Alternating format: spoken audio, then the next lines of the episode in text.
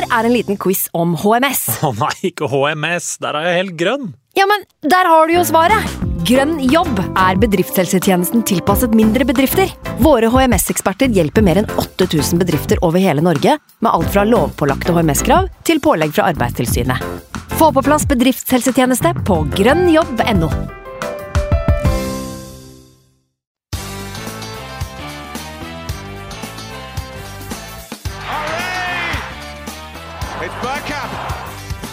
up for grabs now! The next station is Arsenal. Gi meg Jesus, bare Jesus. En uendelig kjærlighet, ufattelig dyp og bred. Gi meg Jesus, bare Jesus. Ingen andre er lik deg, Jesus. Fra det himmelblå har han ankommet ned til jorden, også kjent som N5. For å frelse de rødhvite, kanskje til og med for å lede oss inn i Champions League-fristelse. Etter flere år med synd hos de onde er han nå på et renere sted. Guds sønn, Artetas sønn, nå er han her. Gabriel Jesus, velkommen til det vakreste sted på jord. Og Magnus, føler du deg frelst? I alle fall nå, når du viste dine skjulte talenter som eh, prest. Det er jo nesten så man blir så keen som man sier 'gi meg ditt daglige brød'. Eh, Det, er, det var voldsomt bra, Simen. Jeg liker å dra en preken i ny og ne. Eh, Det, trodde jeg jo du visste. Vi har jo hatt litt sånne hyrdestunder på Londons eh, skitne hoteller, så vi har jo preacha mye der. Ja, men jeg, du har, du har denne litt sånn syngende måten å prate på som prest nå, det har jeg ikke hørt før. For prester de synger når de snakker. eh, snakker. Jeg føler kanskje at vi må legge den her helt død med en gang, for jeg skal ikke prøve å innta noen sånn rolle som, eh, som prest her. Altså det, det, det er sikkert noen kristne som hører på den poden her òg, og det er ikke meninga å spotte Gud og Jesus og alt dette her. Det, det er et område jeg er veldig ydmyk på. Eh, prøver å ha, vise eh, aksept for eh, folks ulike tros- og livssynsretninger. Vi Det er, det er viktig, det. tok det opp her nå, eh, åpenbart fordi eh, vi har eh, fått servert eh, gull fra, fra Gud. 45 millioners eh, pund måtte vi ut med, men, eh, men det ser jo ut til at Gabriel Jesus skal bli gull her. Men eh, nei, jeg føler jo kanskje at eh, det var å dra det litt langt nå. Så hvis noen føler seg støtt eller krenket i, i tråd med hva man gjerne gjør i dagens eh, samfunn, så, så beklager jeg. Men du syns det var OK? Syns det var helt, helt OK. Eh, krenkesamfunnet har gått for langt. eh, sånn at eh, det her, det, det tåler folk. Det er jeg helt sikker på. Så halleluja fra meg. Ja, Vi skal jo selvfølgelig bruke mye tid på å prate om uh, vår nyeste signering. Nå skal det jo sies at når vi sitter her nå en uh, onsdagskveld, så er han fortsatt ikke offisielt uh, avduket. Ting tyder vel på at det skjer i morgen. I kjent Arsenal-stil så tar det noen dager fra han dukker opp på Medical og gjør sine media duties, før det kommer en offisiell melding på det. da. Men, eh, men der er det jo ikke noe tvil, åpenbart. Han er i boks. Eh, Han har vel til og med stilt opp på noen selfier og litt sånt eh, med noen Twitter-folk som da har fått verifisert at ja, han er klar, og han gleder seg. Så Det er ikke noe tvil. Det er jo bare det at Arsenal venter på at uh, Fotoknutsen skal fremkalle bildene. Det er jo som du sier, det er, det er helt utrolig hvor lang tid Arsenal bruker på sånne, sånne ting som det der, når ting allerede er klart.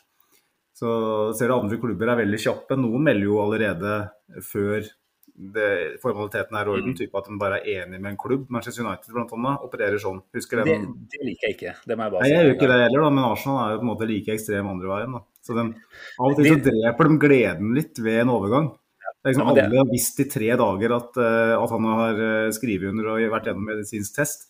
Så sitter man bare og venter og gleder seg, og så går det tre dager, så mister man litt futten. Så når det først kommer, så er det litt sånn antiklimaks. Så jeg føler det er, liksom, det er litt unødvendig å, å vente så lenge. Men det er klart at Arsenal vil kanskje sikre seg altså, Jeg kjenner jo ikke de prosessene godt nok. Det kan hende at det finnes fallgruver som ikke vi kjenner til. Eh, noen prosesser som skal gås gjennom, og at Arsenal venter helt til det ikke finnes noen mulighet for at det kan skje noe. Jeg vet ikke. Høres rart ut. Tipper, det er mer sannsynlig at uh, det, det, er den tiden det tar å lage en fet uh, release-video. Uh, for der er de jo gode. Så når du sier at, at det ikke er verdt å vente tre dager, så er jeg litt uenig. For når du får en nydelig video på 45 sekunder Syns du det er verdt det? Nei da, jeg syns ikke det. Men, men, det er faktisk et lite Altså, hadde den kommet kjempetidlig, det hadde vært et ekstra knepp på plussida, da. Jeg syns jo at de videoene er mye Det skapes litt ekstra buzz der, kontra å legge ut et bilde og en, eh, noen setninger, på en måte. Men nei, jeg syns det hadde vært bedre om den kom med en gang. Det... Thomas Party mm, han signerte da på deadline day i 2020, mm, var det vel. Så var det jo en sånn kul video, eh, selv om på en måte den overgangen ble ferdigstilt eh, og nesten skulle tro påbegynt samme dag. Sånn at eh, de kan jobbe litt kjappere, tenker jeg. Ja, ja det, det er forbedringspotensial der. Så det er kanskje den jobben man skulle søkt på. Sånn videoredigerer i Arsenal. Det hadde vært drømmejobb, det. Ja. Kan jobbe fra Norge òg, kan ikke være umulig, det. det faktisk, Hjemmekontor? Så jeg, skal ikke påberope meg å være kjempegod på videoredigering, men podkastredigering, der er jeg en jævel. Så hvis vi kan overføre de skillsa der til eh, videoredigering, så snakker vi nok. Ja, det, du, har min, eh, du, har min, stemme, Simen. Da regner med at du pitcher meg mitt navn nå, når du først er der. Du slipper unna hver eneste gang det skal redigeres, det. Så du får bare fortsette å, å være hyggelig i omtalen. Det er du som er presten, jeg er bare kirketjeneren. Ringe med klokkene gjør du. Du er jo stort sett den som eh, drar de, de høyeste lydene på den poden her. Så det, det, håper jeg du fortsetter med i dag òg. Vi har vel litt vi skal uh, hive oss rundt med. Jeg vet ikke om vi skal uh, komme med en liten, en liten, ting som er verdt å nevne før vi starter, er at uh, du har endelig en X-spillerspalte igjen. Så det er nok flere som har savna den de siste ukene. Jeg har gjort det. Hadde jo, jeg hadde jo for uh, to uker siden, da. Nei, to? Ja, nå er det, det, er jo, det er litt lenger siden, men hvis to episoder siden, da. Ja, før det var det lenge. Så, men det er vanskelig å få til om dagen. Men uh, denne gangen her så har uh, jeg har blitt velsigna med litt ekstra tid. Nydelig. Nei, jeg, jeg gleder meg til den. Eh, nå skal vi legge alle disse Jesus-relaterte utsagnene våre litt til side, kanskje.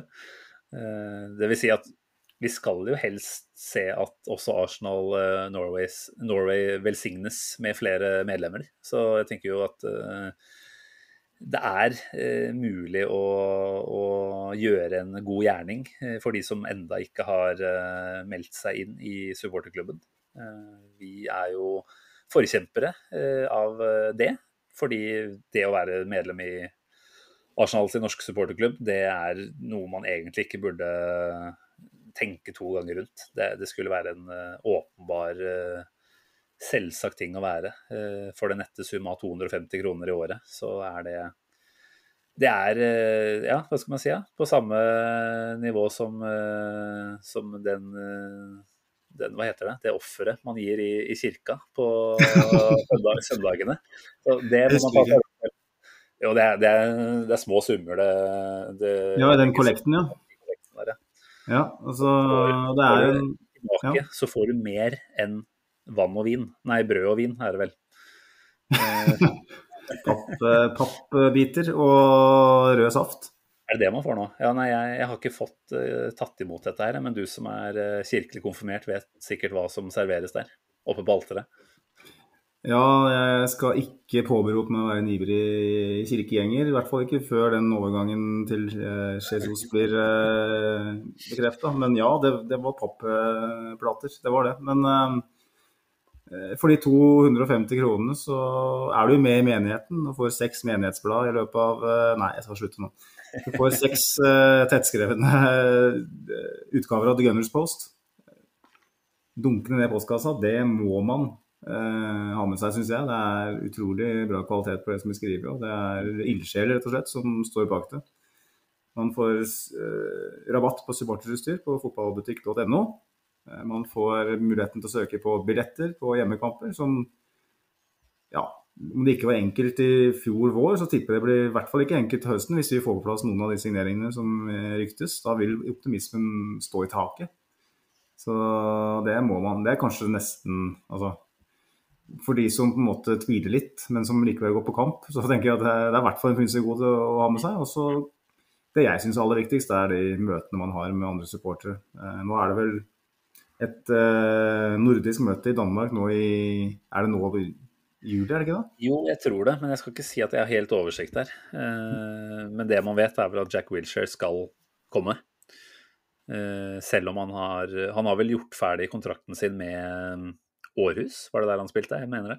Eh, han er jo ferdig der, men har vel allikevel sagt seg villig, eller ikke villig, han har sagt at han ønsker å komme til det nordiske supportertreffet deg. Så det, det, er jo veldig kult.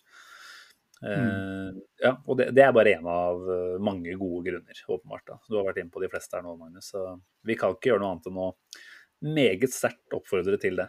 det er, som jeg også har sagt tidligere, det er, det er jo noe med å lede den interne konkurransen mot særlig lillebror eh, i Seven Sisters Row. Da, og faktisk være større i norsk sammenheng enn Tottenham eh, sin norske supporterklubb. Det syns jeg, jeg, jeg trodde jo at det var selvsagt at det bare gjentok seg år etter år. Men så har det jo vært tilfelle nå at man faktisk har sett at de har uh, gått forbi. da, eh, Om ikke med mange, men i hvert fall noen. Så håpet er jo at neste opptelling så er man tilbake igjen på den plassen man skal være. Så kan man vel feire en liten St. Otteringham's Day i den uh, sammenhengen, i hvert fall. Ja, det, det har vi behov for uh, etter siste års opptrener. Um, jeg tenker uh, vi får gyve løs vel på det som folk er interessert i å høre om. Ikke våre anekdoter om kirkelige Også for all del, Arsenal Norway det er kjempeinteressant, men jeg tenker mange av det har hørt det før. Og de fleste som har gjort det, tenker at det har at det her er fint å få friska opp. Men det vi har som er hva skal jeg si, ja, uh, nytt, det skal vi snakke om nå. Uh, kirkelige anekdoter får vi prøve å legge igjen. Uh, den grad vi klarer det. Det er vanskelig når man først begynner med sånn ordspillsmiing, så, så havner man fort i et spor.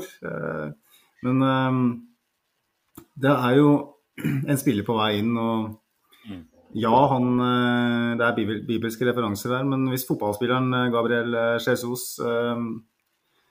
Eh, når vi hørte om interessen eller da vi hørte om interessen allerede i var vel så tidlig som februar-ish, så var det en viss skepsis ute og gikk. Jeg òg eh, var litt skeptisk, og jeg må innrømme at det er enkelte aspekter som gjør meg litt skeptisk fortsatt, men det kan vi komme tilbake til. Mm.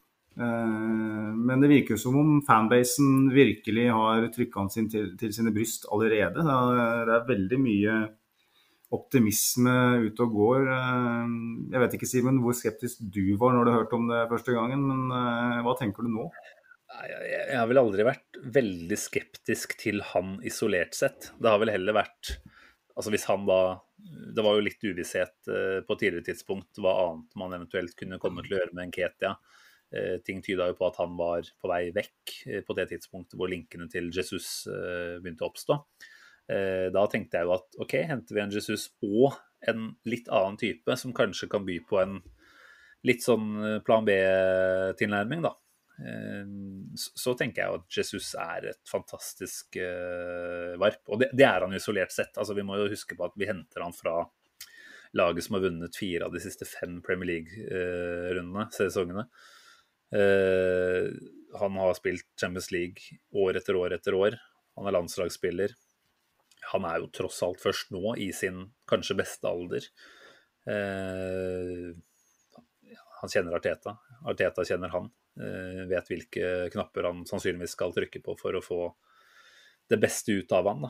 Eh, så det er klart, altså, ja, han har noen eh, mangler kanskje, sånn i forhold til å eh, score ut XG-tallene han produserer. Eh, du har sikkert dypdykka disse tallene, så det kan vi gå mer inn på seinere. Men, eh, men, jeg tenker jo at eh, Jesus til en sum altså ja, 45 millioner pund, det er mye penger for en spiller med ett år igjen på kontrakten. Men det er en spiller som var ønsket flere steder, som har et godt navn og rykte. Arsenal som ikke engang da kan skilte med CL-fotball til neste sesong. Jeg, vil si at det er et varp, egentlig, for Arsenal å hente en profil som han. Um, og så går den ørlille skepsisen man har på om han og den eh, makkeren, ikke makker, men den andre spissen, da, som da nå er Enketia, som vi vet, eh, om de to sammen måte kan tilby nok eh, av ulike kvaliteter offensivt til at det blir, det blir bra nok. Da. For det, det vil være kampbilder hvor vi vil ha behov for litt mer desperate løsninger. Og ja, Arteta er ikke glad i å gå for de desperate løsningene. Han er glad i å holde seg til sin plan A. Eh, men jeg skulle ønske at man fant et, kall det litt sånn eh, desp-alternativ. Eh, og det, det, er jo uavhengig av om vi får, har fått Jesus eller ikke nå. Det kan jo fortsatt hende at man kan komme til å hente en, kall det tredjespiss. Eh, muligens. Det er jo noe vi bare forventer å se. Jeg vet at det har kommet litt spørsmål rundt det her, så det kan vi også ta og bake inn underveis. Men nei, for å svare på spørsmålet ditt. Jeg er meget, meget fornøyd med at vi har klart å hente en både type eh, og eh, et navn da, som Jesus er. Eh, sånn at vi selvfølgelig da får muligheten til å, å spille på det navnet nå i, mange år framover. Mm. Hva tenker du, da? Er det, er det litt eh, Det er vanskelig å si at man er eh, underveldet, eh, men er det allikevel noen ting som gjør at du tenker at det er ikke nødvendigvis 100% av det vi behøver dette her, da. Nei, altså Artetas eh, og Arsenals største problem i den eh, forhenværende sesongen var jo det å snu og endre kampbilder.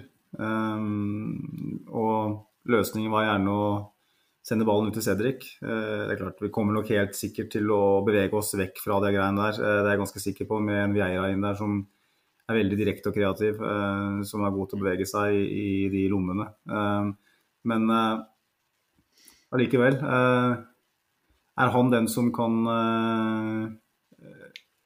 være den litt sånn Kall det den spilleren med X-faktor som, som, sørger for at vi klarer å vende det kampbildet. Det er jeg litt usikker på. Som systemspiller i Artetas system, som du sier, han kjenner Arteta, Arteta kjenner han. Det er åpenbart en spiller som passer som hånd i hanske i det han ønsker å, å gjøre. Eh, det er jeg ikke tvil om, men hva når det butter litt? Er han den som drar oss over eh, mållinja? Det, det, er jeg litt usikker på. og det, det, er klart, det er vel alle usikre på, selvfølgelig, men basert på det jeg har sett av eh, Jesus og det, det jeg tenker, er at ja Litt, litt spent på det, men når du ser markedet, spissmarkedet, hvor få spillere som faktisk er der ute, og hva de koster så tenker jeg 45 millioner pund for en eh, spiller som passer så godt inn, som har så mye å by på. I, som passer så godt inn i Arsenal og i Artetas filosofi, så er jo det en kjempesignering. Jeg, jeg bryr meg egentlig ikke om det derre han har ett år igjen på kontrakta. Ok, Akkurat når du driver i forhandlinger og sånn, så, så ok, jeg skjønner jo at da må man jo prøve å få en bedre pris, ikke sant.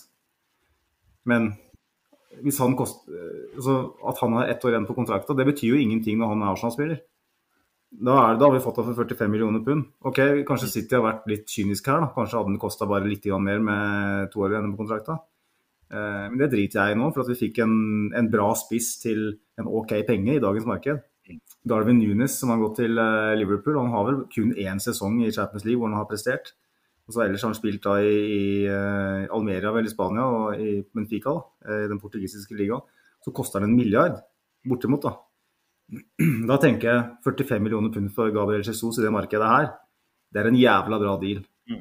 Uh, en spiller jeg gjerne kunne tenke meg å ha i, i laget. Spørsmålet er om vi har uh, nok rundt den, eller uh, bak den, til å, til å på en måte gjøre det, det angrepet komplett nok. Da. men ja, det, man, man, blir jo litt sånn påvirka av den gode de narrativene som blir skrevet på sosiale medier nå. For at Arsenal-fansen har en tillit til klubben nå etter fjorårsvinduet som gjør at jeg ser, jeg ser folk liksom veldig kjapt uh, vender seg uh, den ene og andre retningen basert på hva klubben gjør. Og gjør et uh, godt forsøk på å prøve å forstå og se hva klubben gjør, og, og dermed òg gå fra å være skeptisk til positive på, på spillere som man, man, henter. Men jeg tror det var viktig da at man fastholder litt ved sin egen skepsis, at man ikke blir helt blind på det heller. Det er derfor jeg på en måte fortsetter å påpeke de tingene. Det er ikke fordi jeg er negativ, det er fordi at jeg sa det for, jeg sa det for to måneder siden. Hvorfor skal jeg ikke si det nå? Nei, og, det, og det tenker jeg du gjør rett i. Det er noe med å ikke bli helt blown away. Altså, jeg syns de har fortjent den tilliten uh, som vi nå viser dem som en fanskare sånn jevnt over. Det er uh, mange tegn som tyder på at her tas det veloverveide beslutninger nå uh, stort sett hele tiden. Og, jeg tenker jo at det Jesus tilfører umiddelbart, skal du ikke nå kimse av. For det er klart en ny spiss Han er en ny spiss, men han, han vil nok ha ganske enkelt for å forstå mye av det Arteta lærer ut til uh, laget sitt. Husker hva Arteta sa om at det vi øver på nå, det ser vi først resultater av om seks måneder. Og det er klart at Hadde du henta en ny spiss i sommer som ikke hadde kjennskap til Artetas metoder, så hadde vi ikke kanskje sett For én ting er hva spissen gjør i, i målprotokollen, og en annen ting er hva han gjør som en del av eh, laget som helhet. Og, og, Det er jo der jeg tror at man har virkelig nå gått for mannen som vil være med og eh, ja, unlocke mest mulig hos eh, resten av laget også. Eh, det er jo en sånn evig diskusjon vi hadde eh, med Lacassette. Ja, han skåret ikke så mye mål, eh, og derfor kunne vi være kritiske til han. Eh, men i hvert fall i en periode så, så, var han en dyktig tilrettelegger og en type spiss som, fikk, som gjorde at eh, kantspillerne våre og også andre fikk bedre vilkår. Mm. Jeg tenker at en Jesus nå kommer inn og kan fortsette den jobben, samtidig som han forhåpentligvis også kan gjøre ganske mye mer ut av seg i, i motstanderens boks. Da. Han har vel skåret alle målene sine, mener jeg å ha sett, i, innenfor 16-meteren, faktisk. Eh, det kan være feil, så jeg tar et lite forbehold der, men jeg mener at jeg så en annen eh, stat om det, faktisk. Jeg tenker at da, da, høres det for meg ut som at man får litt altså det beste fra begge verdener her. da. Selvfølgelig kunne han vært en enda mer klinisk avslutter, eh, som jeg var inne på så vidt her i stad. Han har en tendens til å produsere bra XG-tall, men ikke være over de i antall mål. Da. Eh, det kan man selvfølgelig håpe at forbedrer seg nå ved at han får en litt annen type standing internt i en stall. Eh, fra å liksom alltid ha vært en backup, ikke mainman, så kommer han jo nå blir nettopp eh, hovedpersonen i, et Arsenal-lag som er på vei opp og fram. Det er godt mulig at han ser dette som en liten revolusjon for sin egen del òg. Eh, selvfølgelig så kommer han fra et lag som har spilt blendende offensiv fotball, og som dermed har gitt han gode arbeidsvilkår til en viss grad. Men nå kommer han inn i et lag som forhåpentligvis vil fungere bedre offensivt eh, på flere områder, og at han også er med å unlocke enda mer av det totale angrepsspillet. Da, og forhåpentligvis også kan høste fruktene av det.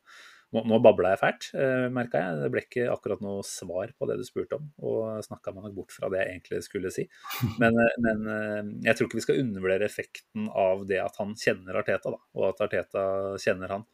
Jeg tror eh, det gjør at man bør kunne forvente en, en ganske godt tilpassa spiller allerede fra starten av. Og det, mm altså, Åpenbart så er det viktig å få en god start, men for Arteta så er det jo og Det er jo en annen diskusjon, eller prat vi kan ta litt utover i, praten, i podden her nå, om Arteta nå på en måte har kommet dit at han må levere.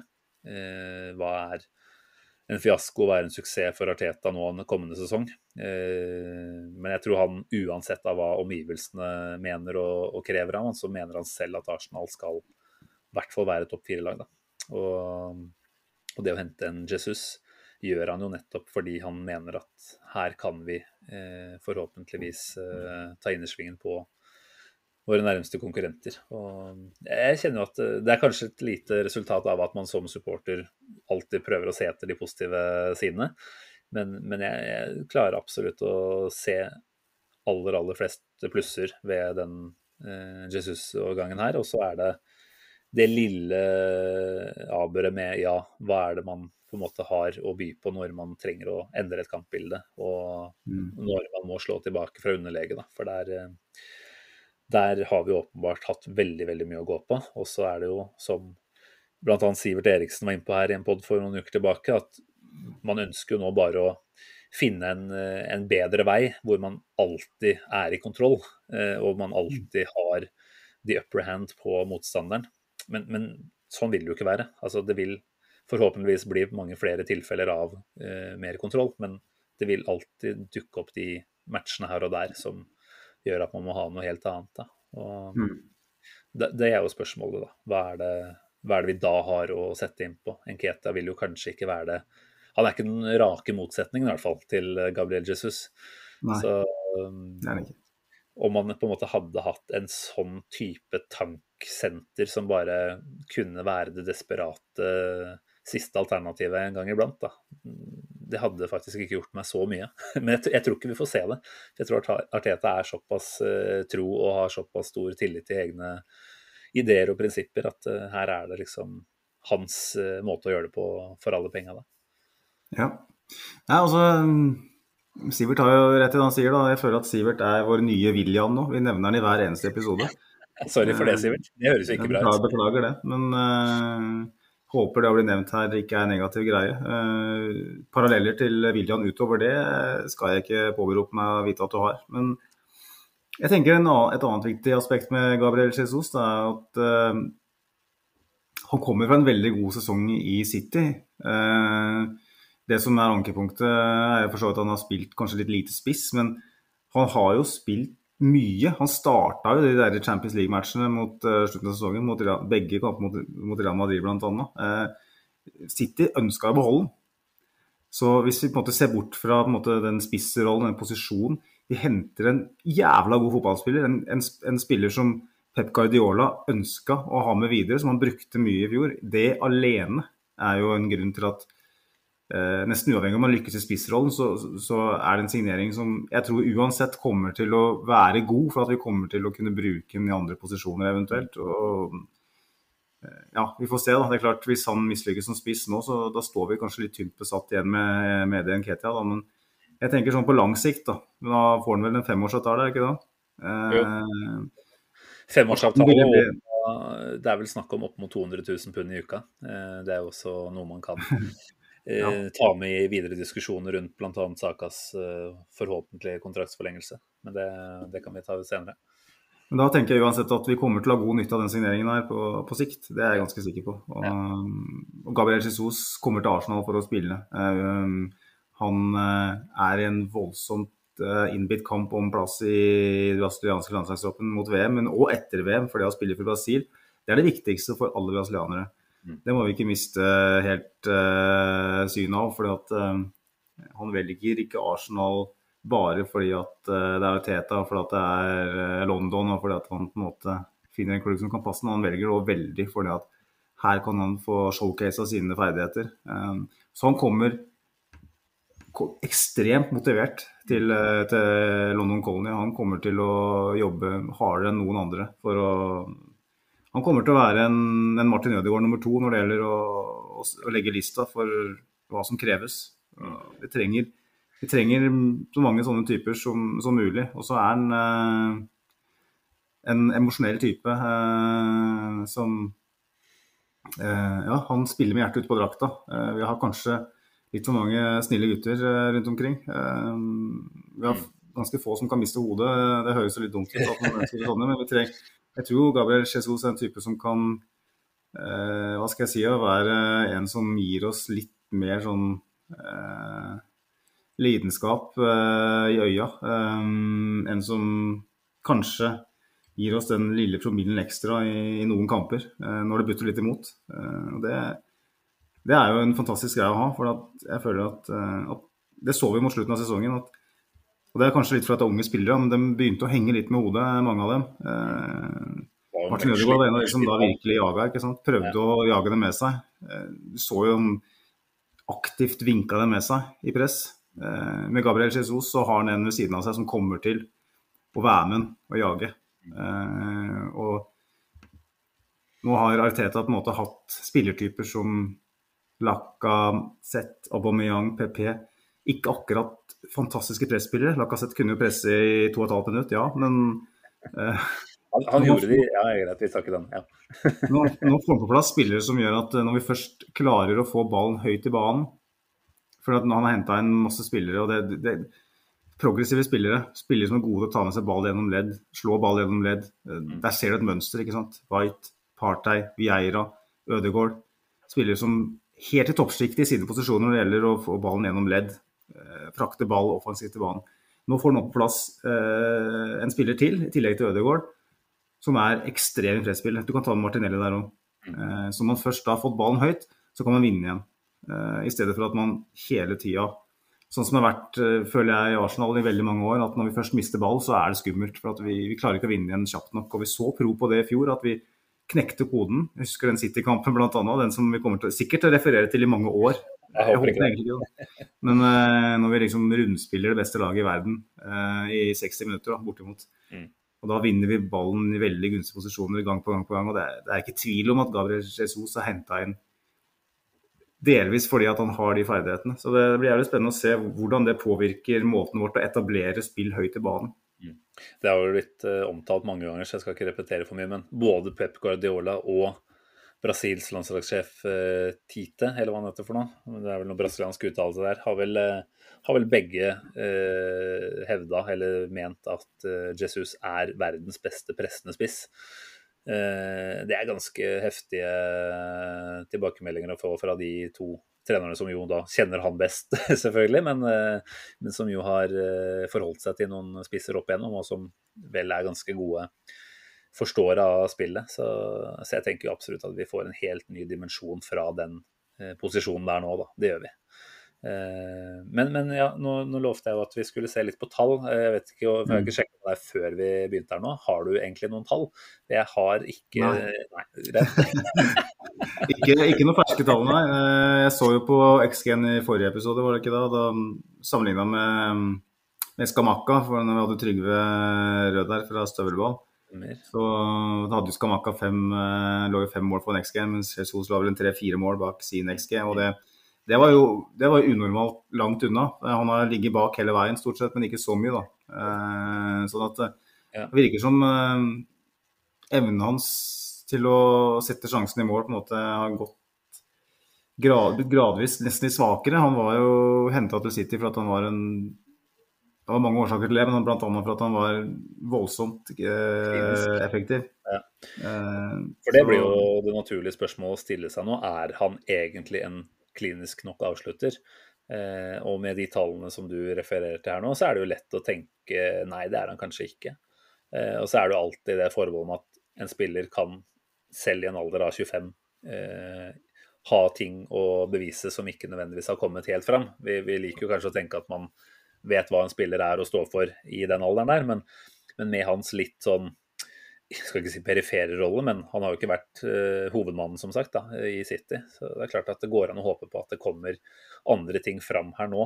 Uh, og en annen ting som jeg ikke har de eksakte tallene på i den forbindelse, er jo at han skårer jo uh, betraktelig flere mål per 90 eh, spilte minutter når han starter, kontra når han Mm.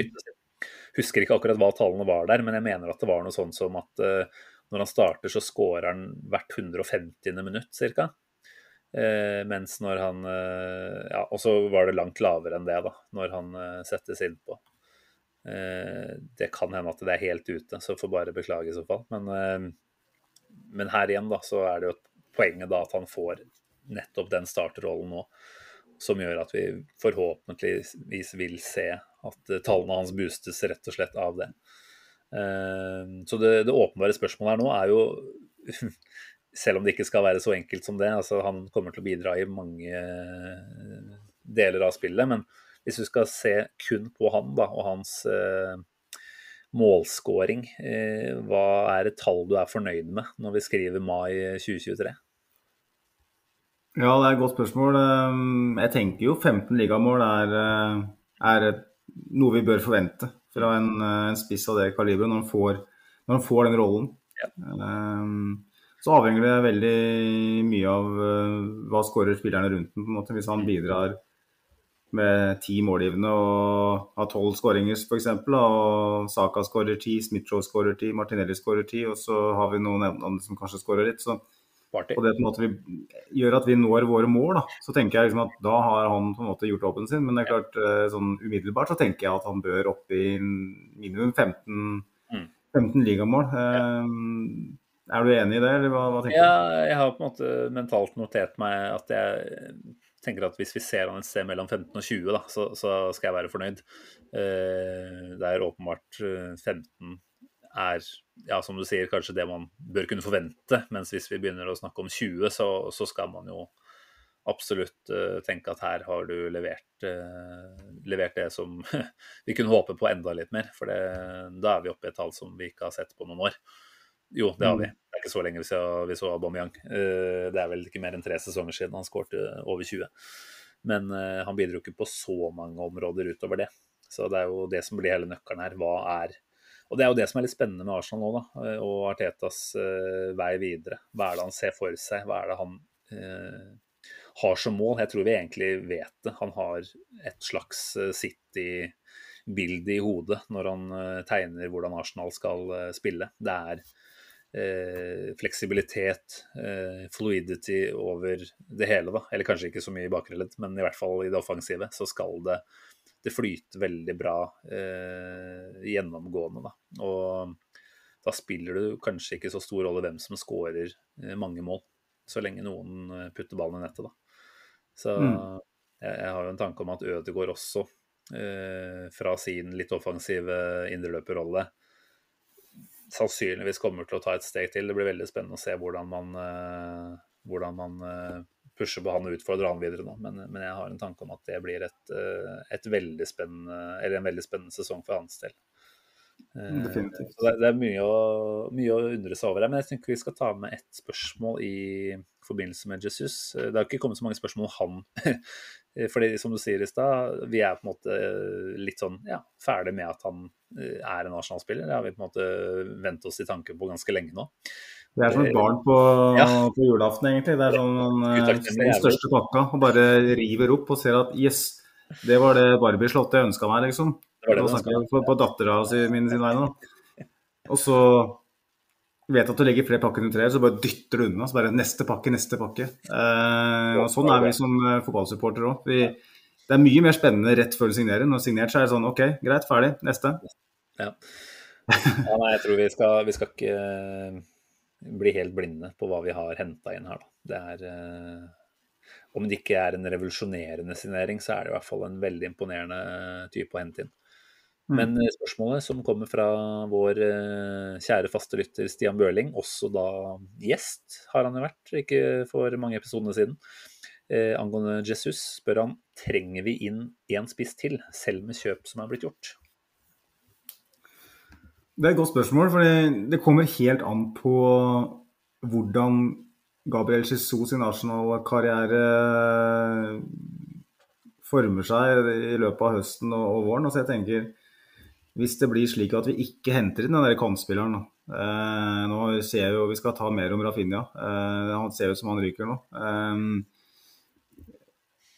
da kan man jo vurdere eh, Skal man hente inn en eh, en kantspiller som også en, kan spille spiss. Eh, for at, ettersom Jesus er såpass dyktig i, i en kantrolle. Eh, men å hente en, en ren spiss til, det tror jeg vi definitivt ikke kommer til å gjøre. Altså nå, nå kommer vi til å bruke i alle fall like mye penger som i fjor sommer, og da brukte vi fl- mest av alle. Og det er på overgangssummer, bare for å presisere det. Jeg har ikke, jeg har ikke lyst til å glemme det faktum at United betalte Varan og fantasillioner til Varan og Ronaldo i lønn og sånn, men vi, faktum er at vi betalte mer i overgangssum enn alle andre i Premier League, og vi kommer sånn, kanskje gjør vi det igjen. Ehm, sånn at ehm, da føler jeg liksom at å hente en spiss til da, eh, det, det tror jeg ikke vi kommer til å gjøre. Altså, men å hente en som kan spille spiss, det, det, det er ikke nødvendigvis eh, en dum tanke.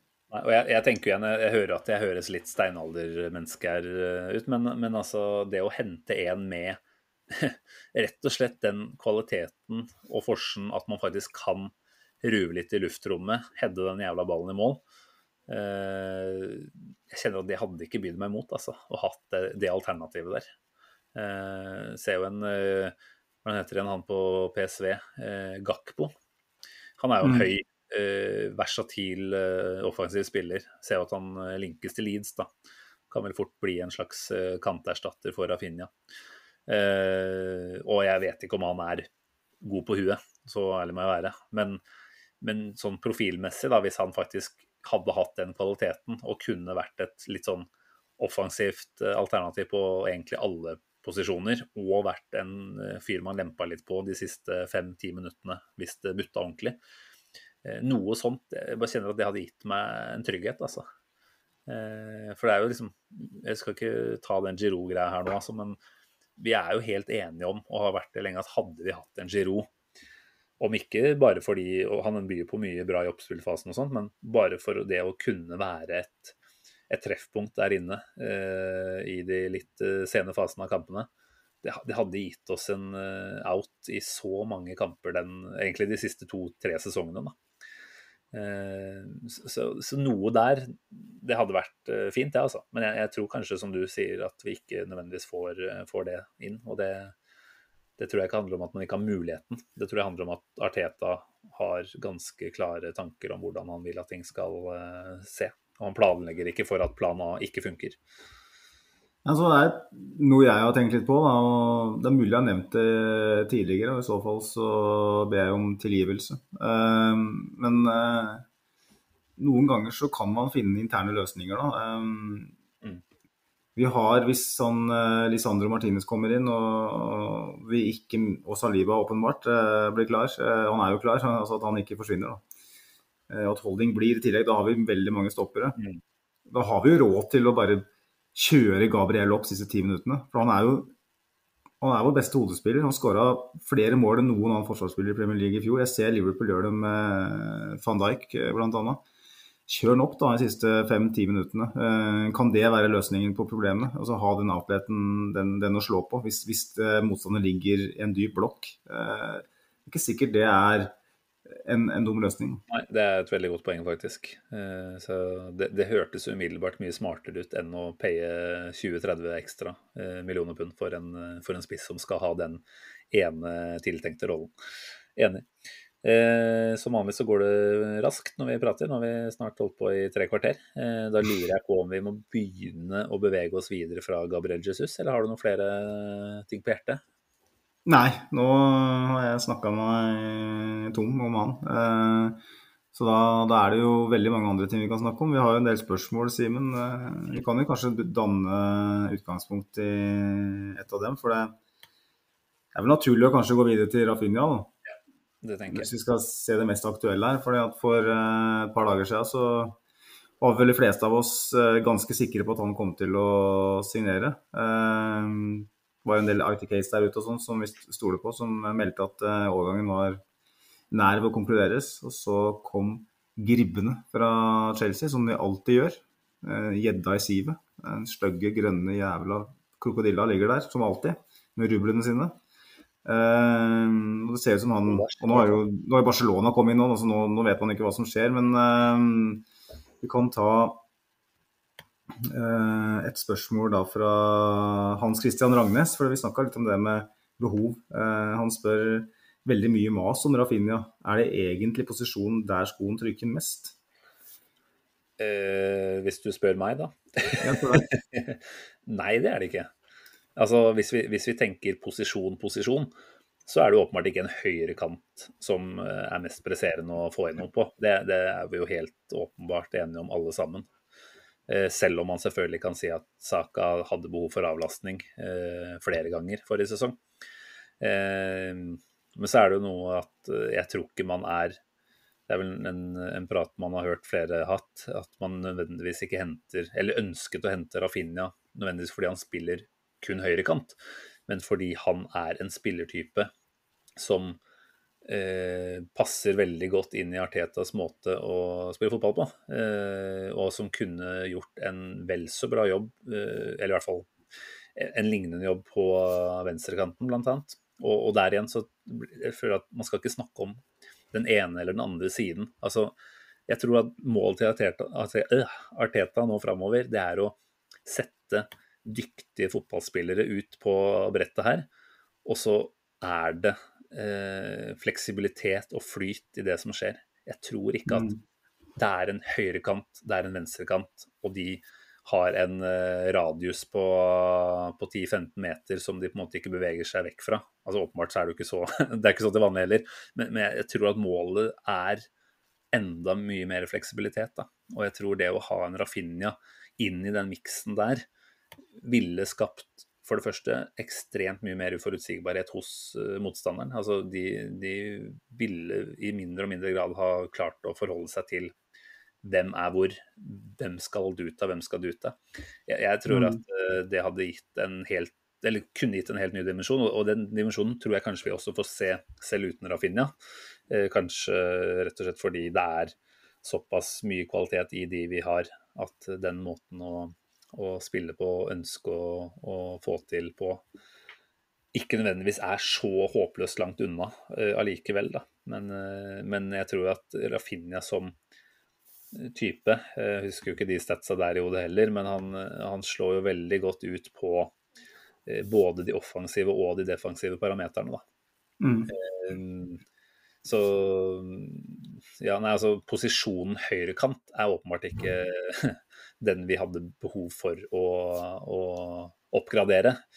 Eh, men spilleren Rafinha tror jeg ville gitt såpass mye i totalen eh, av det Arsenal kan by på. Da. At eh, Derfor tror jeg den hadde vært, eller har vært prioritet.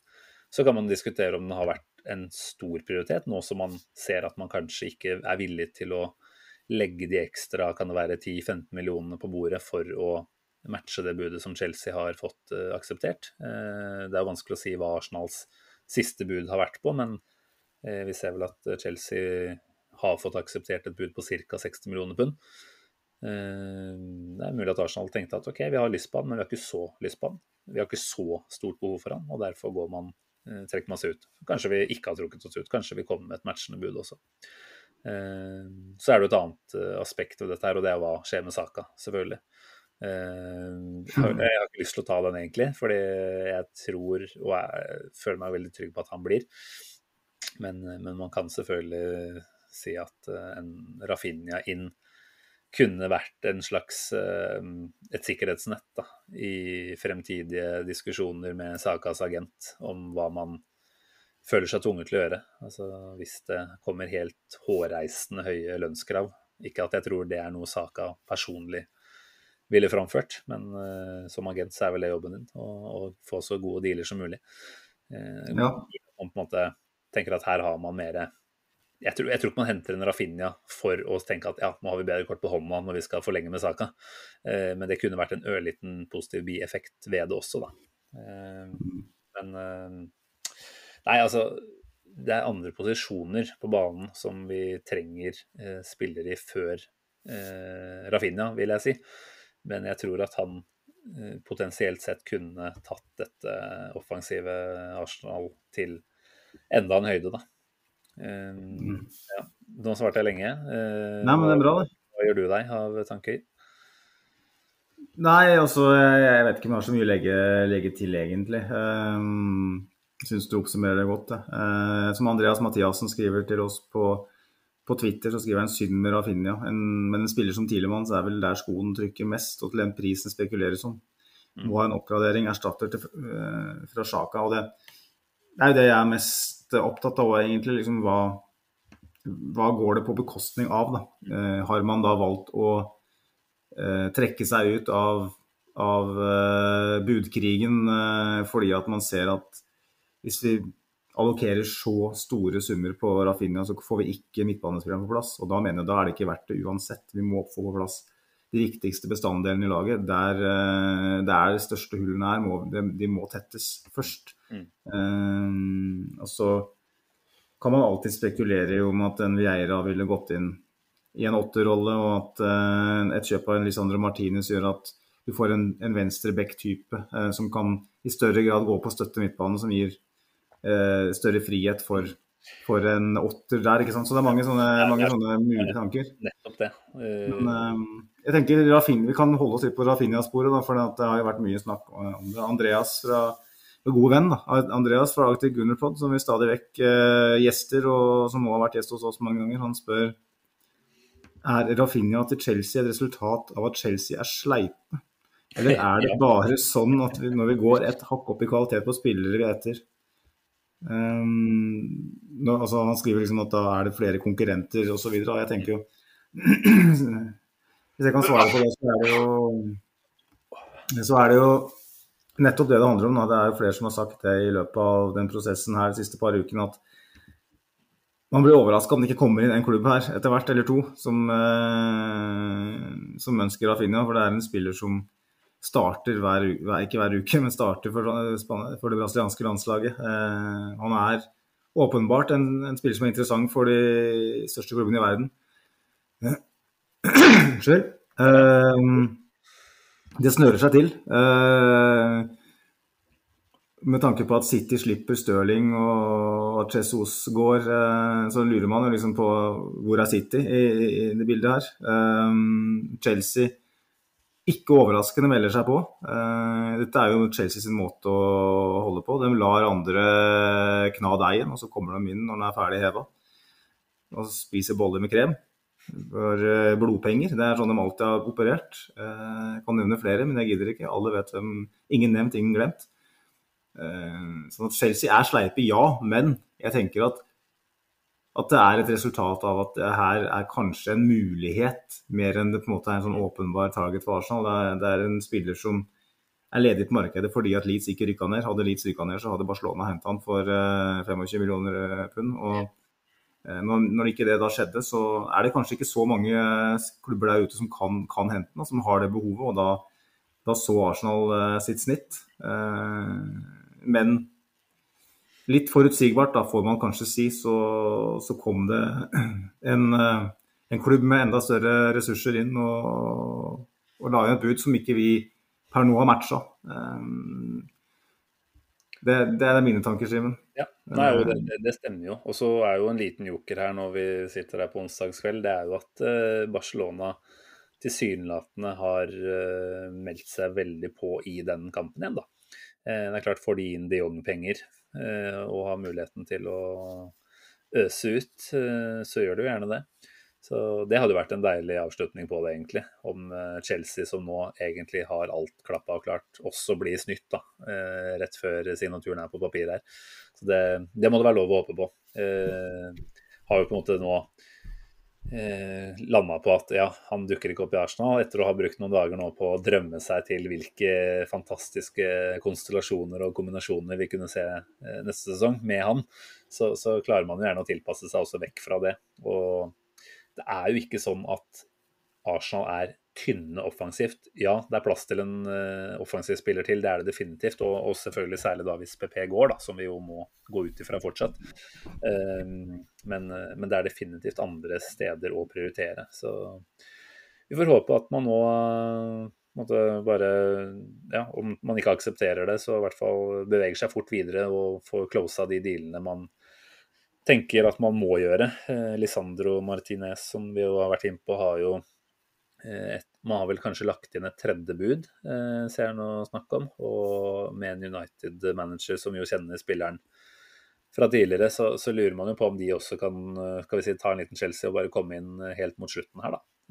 Så der ville jeg jo gjerne sett at man bare fikk eh, sendt ned de siste fem-ti millionene som, som, trengs for å få han inn, hvis det er et så åpenbart eh, viktig puslespillsbrikke da, inn i, inn i Artetas planer. Så yes. Uh, ja, mer Rafinha hadde jeg egentlig ikke.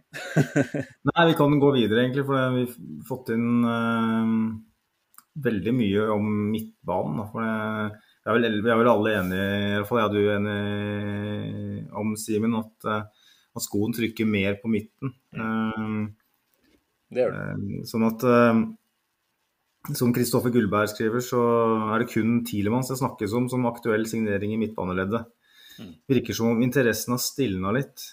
Med Bizuma uaktuelt, hvilke andre alternativer finnes det på markedet? Eh, og så spør jo og så påpeker jo Odd Gunnar Jacobsen opp på Twitter at, eh, at Sander Berge kunne vært et alternativ. Eh, både som Sjaka-erstatter og eventuell party-backup. For 25 millioner pund så er det ikke så galt. Blir nok Tilemanns, men føler Sander gir oss noe mer styrke på midtbanen med alle disse små teknikerne foran. Vi skal svare Kristoffer òg på kanskje hvem vi anser oss, men er, er Sander Berge en, en, som kunne komme inn og forsterka midtbanen her? Veldig vanskelig å si om han forsterker midtbanen, for det er jo lett å da se for seg at han går inn og tar den Sjaka-rollen, selvfølgelig. Eh, og ja, man har mye man skulle ha sagt om Chaka. Eh, men eh, for meg så er det jo ikke noe automatikk i at verken Tilemanns eller f.eks. en Berge kommer inn og gjør altså totalt sett Arsenal bedre dersom man skulle erstattet Chaka. Så har vi jo da selvfølgelig denne jokeren med hva skjer med Lisandro Martinez. For kommer han inn, så kanskje han gjør litt av den Chaka-jobben, og så har du da plutselig et litt annet behov til den venstre åtteren, da. Eh, Sander Berge som type type spillertype eh, kan jeg absolutt se for meg at kunne passa bra inn her. Men jeg syns det er vanskelig å si hvor bra han kan være og kan bli. Åpenbart. Det, det får ikke jeg betalt for å, å, vite noen ting om. Jeg. Så der er det i så fall Arsenals eh, speider og Arteta som selv måtte liksom tenke at dette her er det er det man trenger. Da. Jeg, jeg tillater meg å være skeptisk til at Arteta har landa på at det er Sander Berge man skal hente i sommer selv om navnet har vært linka til oss før. Men det er klart, bare denne ekstra dimensjonen med at han er bestekompis med Martin Ødegaard, gjør jo det til en veldig spennende tanke. Eh, og det, nei, det fysiske aspektet ved han er også interessant. Han har eh, absolutt eh, Han er vel over 1,90 på strømpelesten og, og, har jo mye å by på sånn sett. Da. Kanskje ikke nødvendigvis i avslutninger og sånt eh, fra, fra, på hodespill, men eh, ja, nei eh, Han kunne absolutt vært det. Nå til den prisen så er det et alternativ, det. Men eh, det er vel omtrent den summen man snakker om når det kommer til Tielemanns også, da. Og som Kristoffer Grublei sier, det, det, kan se ut som at interessen har stilna litt. Det vet vi ingenting om, fordi vi aner ikke hva som har blitt kommunisert imellom her. Altså, det mer sannsynlige, tenker jeg, er jo at interessen egentlig er ganske sterk fortsatt, men man vet at Altså, dette har jo vært pågående samtaler sannsynligvis i mange måneder eh, på et eller annet nivå. Altså mellom Edu og Tilemanns agent, eller enda, enda, flere sånne intermediaries. da. Og jeg tenker jo at her har man en ganske forutsigbar situasjon, hvor man også ser at det er ikke noen åpenbare eh, bedre, større klubber enn Arsenal som kommer inn for å hijacke den avtalen. Man har den altså Det kan selvfølgelig skje, men, eh, men eh, av det man kanskje ting tyder på, da, så, så er ikke det aktuelt nå. Da, da, tenker jeg man har den liggende der som en, en, fin, en fin reserve, rett og slett. Jeg personlig vet ikke altså, om, om, man tenker at Tilemanns kommer inn og eh, tar over den Chaka-rollen og gjør alt så mye bedre. Eh, jeg tror dette er avhengig av om Sjaka blir værende også. Kommer det inn et bud på Sjaka som er OK, så sier man sannsynligvis ja takk til det, og så henter man Tilemanns. Men kommer ikke det budet på Sjaka, så sitter man plutselig i en situasjon da, hvor man har de to, og da potensielt en Chaka som spiller betraktelig mindre fotball eh, kommende sesong. Hvordan takler han det? Jeg husker jo da vi hadde Ariles uh, Olsada fra TV 2 her, så, så ble jo det tema. Og ja jeg husker at jeg stilte det spørsmålet litt, eh, litt feil, for så vidt. Jeg spurte om kommer Sjaka til å akseptere en slags eh, andre posisjon bak Tielemanns, og nei, det, det, gjør han jo selvfølgelig ikke. Men spørsmålet er om han i det hele tatt skal vi si, tør å havne i en sånn situasjon da, hvor det blir aktuelt. Um, så det er noen dominobrikker som skal falle her da, for at uh, alt uh, vi tenker at kan skje, vil skje. Um, så ja. Ja. Jeg, tenker jo, jeg, tenker jo, at um, nå har jo Hva skal jeg si? At Twitteratet overbevist deg selv om at det er greit å ha en Rafinha som et alternativ på høyrekanten, selv om vi har Saka der. Eh, selv om vi har Vieira som kan spille der. eh, Martinelli kan gå over og spille der. ikke sant? Så, så, tenker jeg at den logikken bør jo òg gjelde på midtbane. mange sa jo det at når vi, prøver, når vi Zuma gikk til Tottenham, så vi kan jo ikke hente Visoma når vi har Thomas Partey. Jo, selvfølgelig kan vi det. Vi, vi må jo ha eh, alternativer. Og det gjelder òg i den, i den åtterrolla, hvis vi skal tenke det, at det blir formasjonen. Eh, og hvis man da eh, kvitter seg med Granit Xhaka eh, og henter Tilemanns, eller eh, beholder Xhaka og ikke henter Tilemanns, så er man igjen der at en Elneni er ganske nær ved å starte kamper for Arsenal Premier League. Og for meg så skal Elneni være den hullete bokseren som ligger bakerst i skuffen, som man helst ikke skal bruke. Mens man er jævlig glad for at det ligger der når, alle de andre, når vaskesyklusen har gått til helvete og alle andre bokserne er møkkete. Så har du den hull, hullete gamle bokseren som du kan ta på deg, som på en måte gjør en jobb. Du føler deg ikke helt komfortabel med det, men han gjør en jobb. Så ballene ramler ut, åpenbart. Så det er ikke veldig komfortabelt. Nei, og det vil jo være mer lekkasje på midten med en Elneni enn en, en, en Thomas Partey. Men jeg hyller jo jeg hyller den hyllete bokseren Elneni. Eh, for at vi, vi, må ha et sånt alternativ i troppen. Men hvis man kvitter seg med Sjako og henter Tilemann, så mener jeg fortsatt at Elneni er for nær å starte kampen for Arsenal.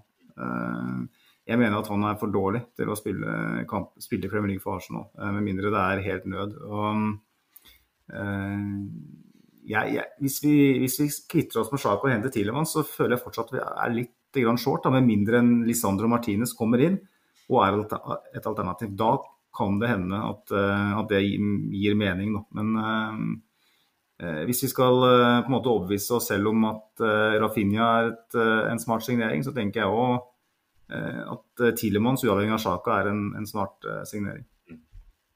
Nei, igjen, du, du, treffer vel spikeren på huet her, Magnus. Så det stemmer nok, det, altså.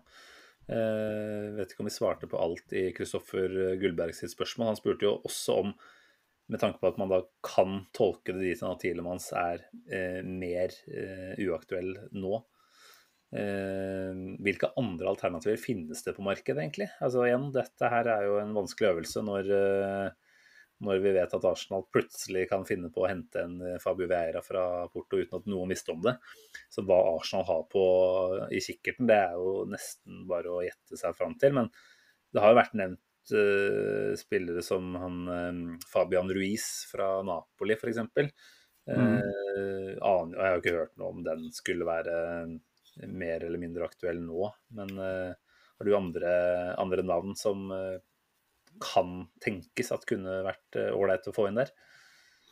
Altså Hvis Sjaka forsvinner, så tenker jeg Ruben Neves er en spennende type. definitivt til å spille i den klassiske Sjaka-rollen, men som òg kanskje i større grad kunne ha vært en backup for Planas Party når Party er skada. Hvis, hvis, man ser for seg at Lokonga trenger et år til. Uh, og det tror jeg han gjør. Um, så får vi se. Um, jeg liker jo Mateo Kovacic i Chelsea, da, men jeg tviler på at de slipper han. Uh, hadde vært en syk signering i den. Uh, kunne vi ha prøvd å hijacke de Jong-dealen som United holder på med? jeg tviler vel egentlig på at det er noe særlig sjanse, men nå, nå tenker jeg jo veldig ambisiøst. Litt i tråd med det Edu har for til å kaste T-bone steaks mot grillen sin og satse på at det blir eh, flambert nytelse, så tenker jeg at hvorfor ikke gå for gull? Jeg føler at det å gå for Rafinha er for å, å gå for gull. og det, Jeg vil jo kanskje tro at Arsenal har sendt ut følere på toppspillere og fått et negativt svar. Og vi får aldri høre noe om det. Um, Nå er det vel ting som tyder på at de Jong er ganske negativ til United egentlig også. Altså, ja. Han gjerne skulle ha blitt i Barcelona hvis han kunne velge selv. Så det er klart at et Arsenal uten Champions League er jo ikke noe mer fristende sannsynligvis da, enn et United. Nei, altså Spørsmålet er jo bare om Arsenal på en måte eh, ved å være et, eh, en klubb som virker å være litt mer i balanse. da. Hvis, hvis, det er sånn at Barcelona presser de Jong ut av klubben, det virker jo litt sånn for at de skal få råd til Lewandowski og kanskje Rafinha. Eh, hvis han er skeptisk til United fordi han ser at det er en klubb i oppløsning, uh, uavhengig av Ten Hag. Det er Ten Hag-effekten er det som gjør at, at, han ville valgt dem uansett. De har jo heller ikke Champions League. Um, men ja, det, det, er en spennende tanke. Um, han godeste um, Wijnaldum ble nevnt i fjor. Da. Jeg er litt skeptisk nå, eh, jeg må si det. Eh, men jeg likte tanken på det veldig godt i fjor. Eh, han er 31 år, ja, men vi trenger òg litt erfaring.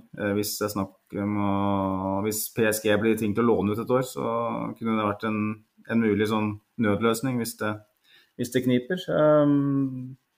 Ellers så har jeg ikke god nok oversikt over de andre ligaene til å komme med så mange shouts. Det er sikkert dårlige shouts, men jeg føler kanskje Ruben Neves er kanskje det mest sånn eh, åpenbare. Um, og det vet jo, vi vet jo at Arsenal har vært interessert i, i han, så Mm. eh, det blir spennende å se. Men jeg er mest spent på om eh, Lisandro Martinez, hvis han kommer inn, hva, hva er tanken der? For jeg, jeg, jeg har vanskelig for å se for meg at han går inn og tar plassen til Gabriel. Mm. Da tror jeg han er ansett for å være noe annet enn en fast stopper. Jeg driver og googler litt rundt her mens du prater. Kom jo over det navnet Danilo. Eh, 20-21 år gammel eh, kar fra Palmeiras i Brasil. Eh, som jo du husker sikkert at navnet har vært nevnt tidligere. Det har vært en link der. Eh, Ja. Om ikke veldig sterk.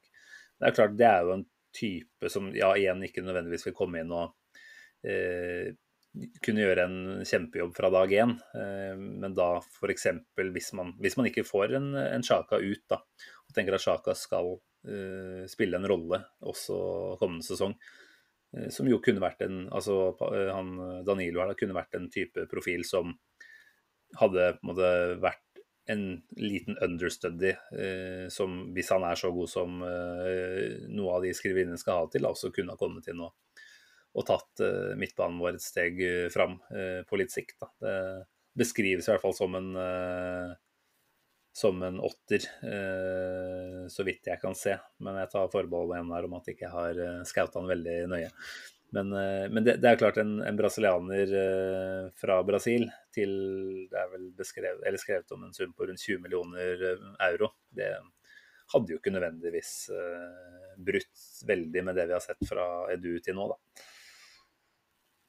Yes. Ja, nei, det er mange, mange navn. Vi kunne sittet her til i morgen og komme med, med shouts, ikke sant. Eh, Men jeg, Det er jo det vi gjør. lar, lar Realiteta og Edu grille videre. Um, hva er neste punkt på lista her? Eh, nå er det jo spørsmålene i dag vi, vi forholder oss til. eh, Og det er veldig fint at vi har fått inn så mange. Eh, Jeg tenker vi kan ta med fra Arsenal-Lasse også. Det er jo for så vidt noe som er litt i forbindelse med Rafinha-praten vi hadde i stad. Eh, Men Arsenal-lasset skriver da i og med at Rafinha ryker, eh, som det ser ut nå, diskuter gjerne Gnabry. Og han burde vel Mm. være et eh, solid førstevalg nå, hvis vi i det hele tatt trenger å styrke den posisjonen. Så har vi jo snak vi har jo snakka om den, det behovet der nå, men, men Gnabry er jo et navn som sannsynligvis får det til å renne godt i munnvikene på de fleste. Han har vel etter sigende nå, så vidt jeg har fått med meg, kanskje noen planer om å forlenge med Bayern. Eh, om det bare er eh, en del av noen forhandlingstaktikkeri, vet jeg ikke. Men i hvert fall det jeg har sett sist, da, tror jeg. Så det er klart at ting kan jo selvfølgelig tyde på at han ikke forlater Tyskland i det hele tatt. Men med ett år på, igjen på kontrakten, hvor eh, lysten tror du Arteta kunne vært på en eh, Gnabry da, som han jo var sammen med i et par sesonger i, i sin spillekarriere i Arsenal. Det er vanskelig å si, eh, selvfølgelig. Eh, Men for oss som eh, sitter på utsiden, så virker det som en sånn åpenbar spiller, ikke sant.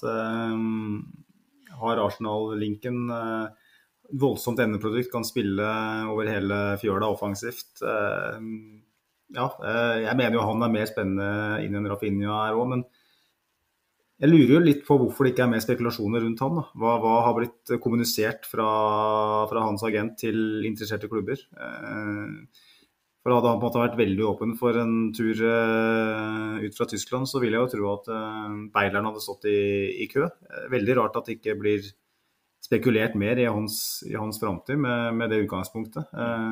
Samtidig så syns jeg det er rart at han skal bli i Bayern nå. Nå ble det vel kommunisert via tyske medier nå at at Bayern München er veldig desperate på enten forlenge eller uh, selge. sånn at hvis han ikke er villig til å forlenge kontrakten, så, er villig, så kommer de til å fryse den ut uh, på et vis. Og de har jo henta Sadio Mané. De har fryktelig mange spillere som kan spille i de posisjonene han ønsker å spille. Og det er et VM i, i desember. Uh, kan han på en måte sitte på lønna si i Bayern det året her? Det nekter jeg å tro.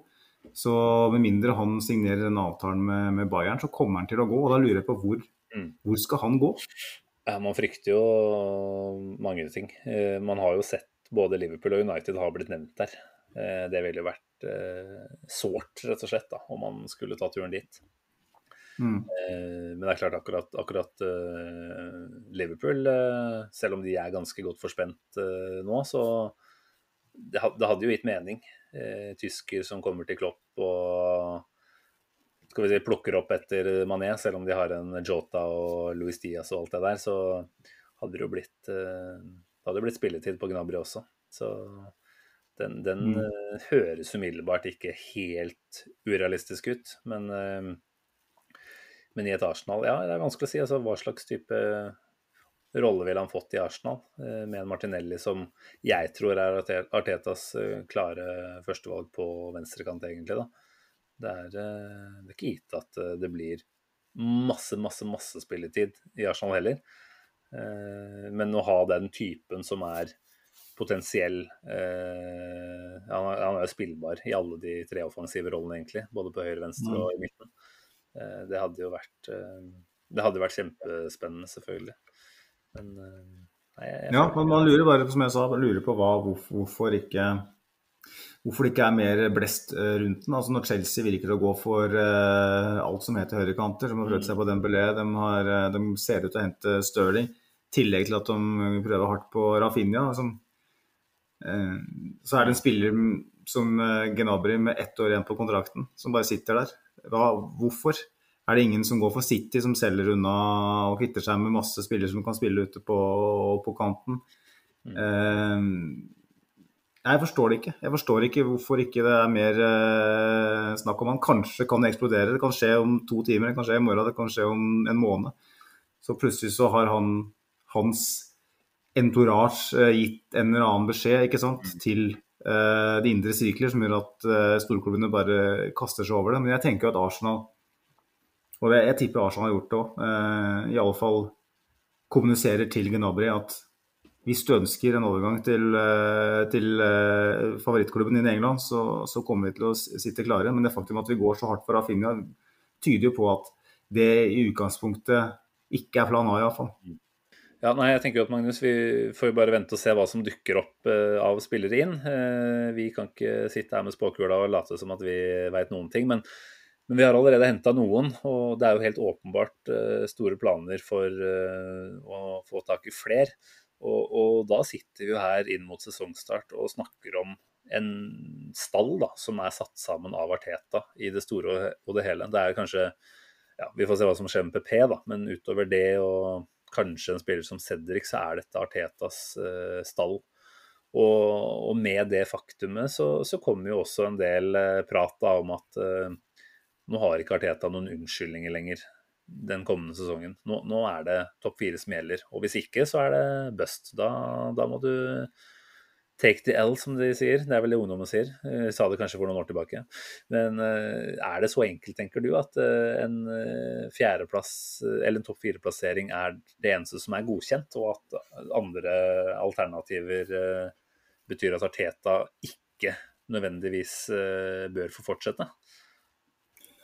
Jeg lurer, jeg lurer litt på hvorfor vi på en måte ikke skal ta med kontekst i en, en sånn debatt.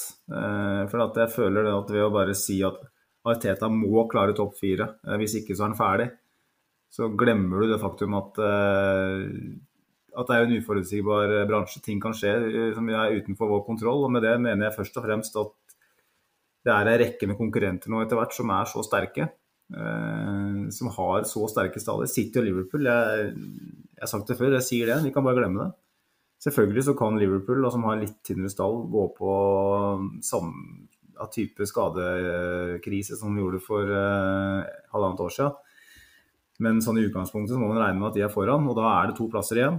Chelsea ser ut til å flekse med, med, med sine muskler. De har jo fått sletta gjeld på 18 milliarder, og vips, så er det plutselig masse mer penger inn i bildet. For det er jo en klubb som greit, ja. jukser seg til uh, suksess, som alltid har gjort. Og så har, er Tottenham inne i, i Contes første fulle sesong etter hvert. Uh, jeg vet at uh, jeg har vært en av de som har snakka mye om Conte og vært negativ til, til den ansettelsen fra, fra vårt perspektiv. Um, nå ser det ut som de eh, får Richarlison, de får Lenglet på lån to år i Barcelona. Det sistnevnte er jo litt spennende å se hva en spiller som kanskje ikke har lyktes helt i La Liga, hva, hva vil han bidra med i Premier? Eh, Kopi det her, eller? Hæ? Satser på en Skilacci-kopi. Satser på det. En, Nei, jeg, jeg frykter vel at. Eh, det er eh, mye som skjer borti gata der nå som om, altså, Vi har jo ledd litt av Perisic, og ja, du er gammel og, og sånn. Og Bizuma er det jo lov å håpe på at, hvis det, hvis det går an å si det, ikke får lov til å spille fotball kommende sesong, men ting tyder jo ikke på det. Eh, det sto vel faktisk, eh, var vel faktisk eh, breaking news i stad om at han var frikjent fra de anklagene. Ja. Og jeg tenker jo at når Conte allerede har en del av de offensive krydderet som han har, og deretter får henta uh, spillere som kompletterer den stallen sin, da, da frykter jeg de uh, veldig, veldig sterkt. Og som du sier, Chelsea Jeg tillot meg å håpe litt når han Bowley kom inn der og fyrer ut Granovskaja, fyrer ut eh, Peter Czech, skal fikse alt på egen hånd. Tenkte at ja, men ok, her, her er det en som kommer inn fra sidelinja og, og, tror han vet bedre. Kommer fra amerikansk idrett og har jo sikkert gjort det bra der, jeg aner ikke. Men uh, uh, som ikke nødvendigvis tar inn over seg at det er en helt annen kultur og, og drift uh, i, i, England, da. Men det er klart, har de muligheten til å kaste penger etter spillere, som de jo ser ut til, da, så, så vil de være der oppe. En Torskjell som fortsatt har masse kvalitetsspillere. Chelsea har en god stall. Så, så det er jo et helt åpenbart viktig poeng det du sier der om at kontekst må vi ta med. Altså Det er ikke som i gamle dager, hvis det går an å si det, at det var tre-fire maks som omtrent hadde garanti for en topp fire-plassering. Nå er det det er de du har nevnt. Det er et United-lag som, som, forhåpentligvis ikke klarer å sette seg godt nok i stand allerede kommende sesong, men, men som vi må anta blir bedre. da. Eh, det er til og med Newcastle som har begynt kjøpsfesten, som henta han Sven Botmann fra Lill. Han har vært ettertrakta blant en del europeiske klubber. Så det er tøft. Og sannsynligvis så blir det enda tøffere. og vi, vi, altså Esten Villa forsterker, Leicester kan ha en bedre sesong enn de hadde sist. Det er mm. gjennomgående høyt nivå da, i Premier League. Um, så for meg så kan man faktisk ikke si at en uh, topp fire-plasseringer er, er enten eller det som avgjør. Da. Her handler det om at vi må se noen vi må se noen positive utviklinger hos uh, Arsenal og i forhold til hva Arteta uh, prøver å få til. Og For meg så er det det åpenbare som jeg ønsker å se, både fordi vi har vært så dårlige på det, og fordi det er det man kanskje egentlig tenker at er det viktigste i fotball, det er å skåre mål. Ha et bedre offensivt spill. Klarer mm. vi å liksom, Hva er det vi skåret i åra? Noen og 60 eller noe sånt, eller? Jeg husker ikke helt det, men vi har jo gjennomgående skåret altfor lite under Arteta, det er det jo ikke noen tvil om. Eh, vi må bli bedre der. Da tror jeg jo kanskje også at en tabellposisjon vil komme som en eh, konsekvens, eller en positiv effekt av det. da. Men, eh, men, det er jo der jeg tenker vi bør måle Arteta nå, på hvordan ser Arsenal ut. og ja, det er jo også der viktig å huske på at motstanderne våre kanskje jevnt over blir et hakk bedre, og at det sånn sett blir vanskeligere å spille god fotball mot dem. Men, men det er noe med at vi i en del kamper i forrige sesong nå så ganske vi, vi, var absolutt gode i mange, men vi så også ganske tannløse og tidvis hjelpeløse ut offensivt i en del også. Og, og nå få se i sesongen som kommer at vi har tatt et nytt steg i det offensive spillet, og helst uten at det går på altfor stor bekostning av det defensive, eh, da er jeg nesten fornøyd uansett. Altså Hvis vi er et bedre fotballag til neste år, så må vi kanskje også akseptere at de andre er det. Altså i hvert fall Tottenham. Uh, City er åpenbare. Liverpool er man litt sånn ja, mister man ned. Salah er litt på hell i forhold til motivasjon. Uh, de har jo en litt aldrende tendens i troppen sin. Jeg håper jo faktisk på at de ikke nødvendigvis tar et skritt ned på tabellen, men i hvert fall at de blir litt dårligere. Uh, så får vi bare se hva som skjer med Chelsea og United. Men jeg så vel en, en bettingside som hadde oss som eh, det fjerde best plasserte laget på, på oddsen. Da. Eh, det er jo en OK indikasjon, kanskje, men, eh, men for meg så, så, er det ikke det vi kan se på. Det er eh, på måte de prosessene i spillet som er avgjørende her. Er det vi hvilke steg er det vi tar kommende sesong, og er det mm. er i den positive retningen? så, så, tenker jeg da må vi bare akseptere det som ender opp med å bli vår tabellplassering til slutt.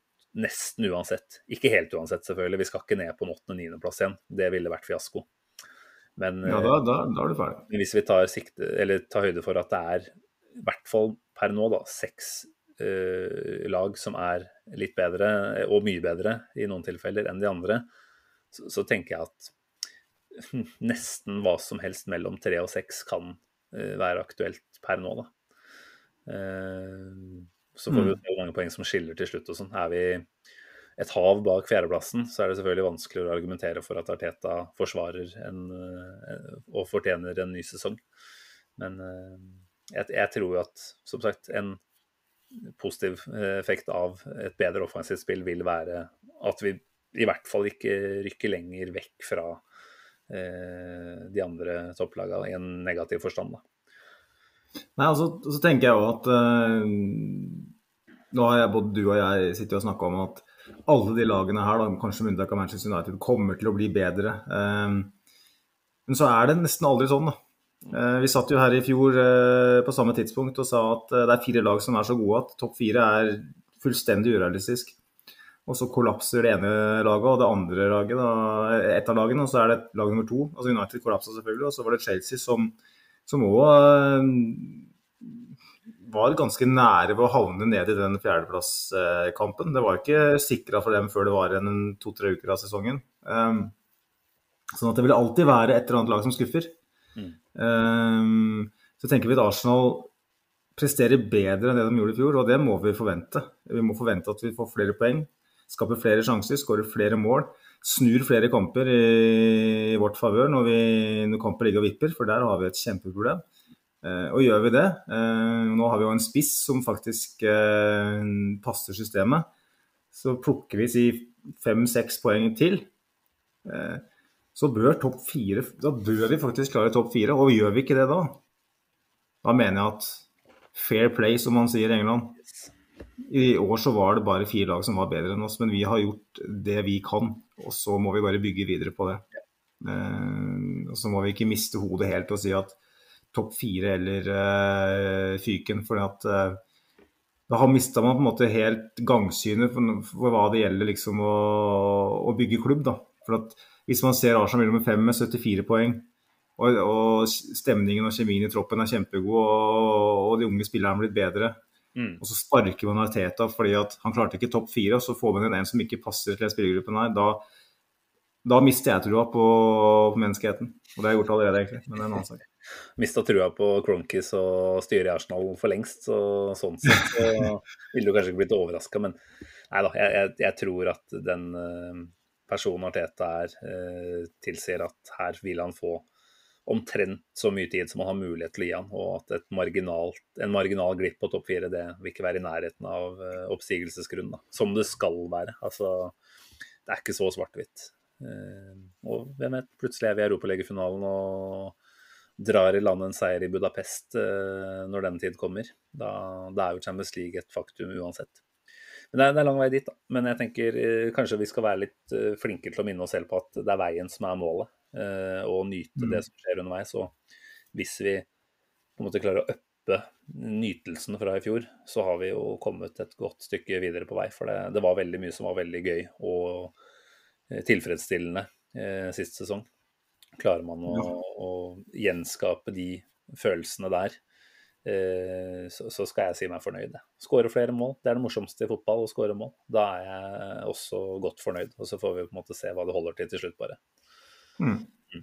Nei, men eh, Nå tenker jeg vi begynner å nærme oss noe X-spillerspalte. Eh, hvis du har sittet og bladd fram i fanene dine, så er det vel kanskje lov å spørre om du er klar for å, for å avgi muntlig eksamen? Jeg har hatt på mute her litt grann, og rense stemmen øh, og drikke øl. Så jeg tipper at, øh, at det er rett tidspunkt å, å gyve løs. Jeg. Syns jeg det. Da er det bare å lene seg tilbake i godstolen sammen med meg der hjemme, og så, og så nyter vi Magnus sitt fortreffelige arbeid. Høyt oppe i borteseksjonen på Villa Park står tre nordmenn med avmålte blikk. Stemningen er melankolsk. Kampen er fremdeles en time unna, og setene rundt er tomme. I fanget hviler en rykende het pai, mens et beger med kaffe inntas hvileløst. Dette helt akseptable måltidet føles som vann og brød, som tvangsfôr. Aston Villa Football Club har arrogant manifestert at bortefansen ikke får innta alkohol. Håndklærne over tappekranene og de ansattes syrlige blikk er som en erigert langefinger å regne. Høyt oppe i borteseksjonen på Villa Park danser tre nordmenn. Stemningen er elektrisk.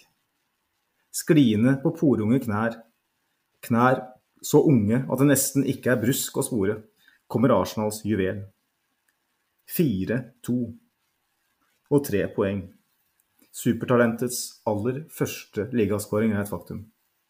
Starten på noe stort. Høyt oppe i borteseksjonen på Villa Park står tre nordmenn med koffeinsjokk. De er gode og mette i magen. Fosters og Stella Artois er fullstendig glemt. Denne følelsen kan intet rusmiddel toppe. One of our own, the best one, har satt kronen på verket, og karamellen kan plasseres trygt under tunga. 18-åringens sesong var i ferd med å ta helt av. Allerede i flere år hadde den tekniske terrieren vært på alles lepper. Men det var likevel få som våget å forskuttere fast plass i elveren så tidlig. Til tross for et fruktbart lån, låneopphold i Bolten den foranværende sesongen, trodde de fleste på en benketilværelse innledningsvis. Men Arsen Wenger var aldri redd for å gi stort ansvar til unge spillere. Dermed var det heller ikke så overraskende at dagens X-spiller figurerte i elveren i seriepremieren mot Liverpool på Anfield. Og om det var nyervervelsene Shamak og Korselny de fleste snakka om på forhånd, var det et akademiprodukt som fikk mest oppmerksomhet på toget hjem til London. Som Fabregas seks år tidligere så han ut som en laks i et stilleflytende elv. Elegante bevegelser, uovertreffelig oversikt og med all tid i verden med ballen. Et naturtalent som hørte mer hjemme på banen enn de ti år eldre rekkekameratene. Han ble umiddelbart en selvskreven hjørnestein. Dypt på midten gjorde han arbeidsvilkårene gunstige for Fabregas med evnen til å gå av press og stresse motstander. Det ble noen dristige taklingsforsøk og strupetak, men denne diamanten var til for å slipes. Og man kunne formelig følge dette i real time. Da vi vendte primstaven og skrev 2011, hadde vi allerede glemt at vi hadde med en tenåring å gjøre. Og i februar skulle han høste internasjonal oppmerksomhet. Emirates sto bada i flomlys, klar for sin kanskje største anledning. Det spektakulære lysshowet bar bud om magnitudet. I spillertunnelen sto Arsenals vidunderbarn skulder mot skulder med Xavi, Iniesta og Messi. Og selv om bortelagets verdensstjerne raget omtrent like høyt over havet som vår mann, må han ha følt seg kryptisk liten der han sto. På banen var han imidlertid like høy. Ja, Barcelona trilla ball i hatt med hjemmelaget i store deler av kampen. Men på midten møtte de sin likemann. Tidvis overmann. Busquets og Xavi prøvde desperat å komme nær ham, men det var som om ankelen hans var laget av gummi.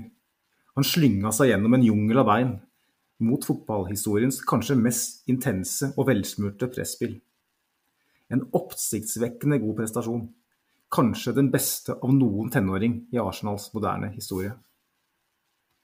Han er en fantastisk midtbanespiller, som utvilsomt kan nå det samme nivået som Xavi og Iniesta. Dette sa Dani Alves etter kampen. Og Xavi supplerte. Jeg har spilt mot ham og studert ham. Hadde det ikke vært for skadene, ville han vært en av verdens beste midtbanespillere. Det må bemerkes at dette ble sagt av Xavi noen år senere. En hel fotballverden hadde vært vitne til en åpenbaring på Emirates i februar 2011. Selv Arsen Wenger må ha latt seg overraske over hvordan juvelen gjorde den voldsomme anledningen til sin egen. Man of the match mot verdens beste lag. 2-1 to the Arsenal. Arsenals sesong skulle dessverre ende med sedvanlig skuffelse, med exit i returoppgjøret i Spania samt en kataklysmisk kollaps i ligaen. Men dagens X-spiller ble båra båret på gullstol av samtlige forstå-seg-på-året. Det ble hele 49 kamper i hans første sesong som seniorspiller i Arsenal. Kun Ashavin hadde flere med sine 52. Ikke bare hadde dagens X-spiller talentet og mentaliteten som behøvdes, men også fysikken og staminaen som en maratonsesong fordrer. Trodde vi. Under sesongoppkjøringen foran den påfølgende sesongen pådro han seg et tretthetsbrudd i ankelen. Hadde kjøret vært for hardt? Innledningsvis så prognosene gode ut, men Wengers unnvikende svar i intervjuer tyda på at det kunne være alvorlig. Og Ludvigene blant oss skulle få kraftig med flytende på mølla. Dagens X-spiller spilte ikke et eneste minutt i 2011-12-sesongen.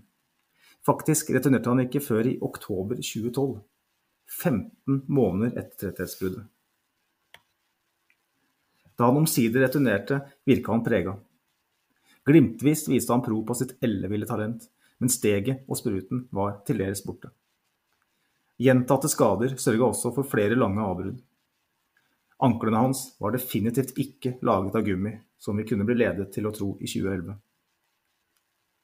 I løpet av seks sesonger i klubben mista han over 150 kamper med skade. Et svimlende tall. Det tilsvarer fire sesonger i Premier League. Det ble dermed helt umulig for dagens X-spiller å sikre seg en sentral rolle i laget. Den brutale sannheten er at han egentlig kun var et parentes etter den fantastiske 2010-11-sesongen, da han også ble kåra til Arsenals beste spiller. Så hva forårsaka alle disse skadene? Var det hans uredde og tidvis hensynsløse spillestil? Kunne han holdt litt igjen og sørga for litt mindre belastning på anklene?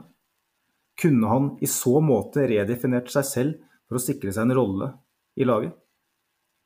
Eller kunne Wenger vært litt mer skånsom innledningsvis og gitt ham noe snillere matching? Selv har vår tidligere sjef innrømma at han føler et visst ansvar for at skadeproblemene til slutt ruinerte karrieren til akademiets gullkalv.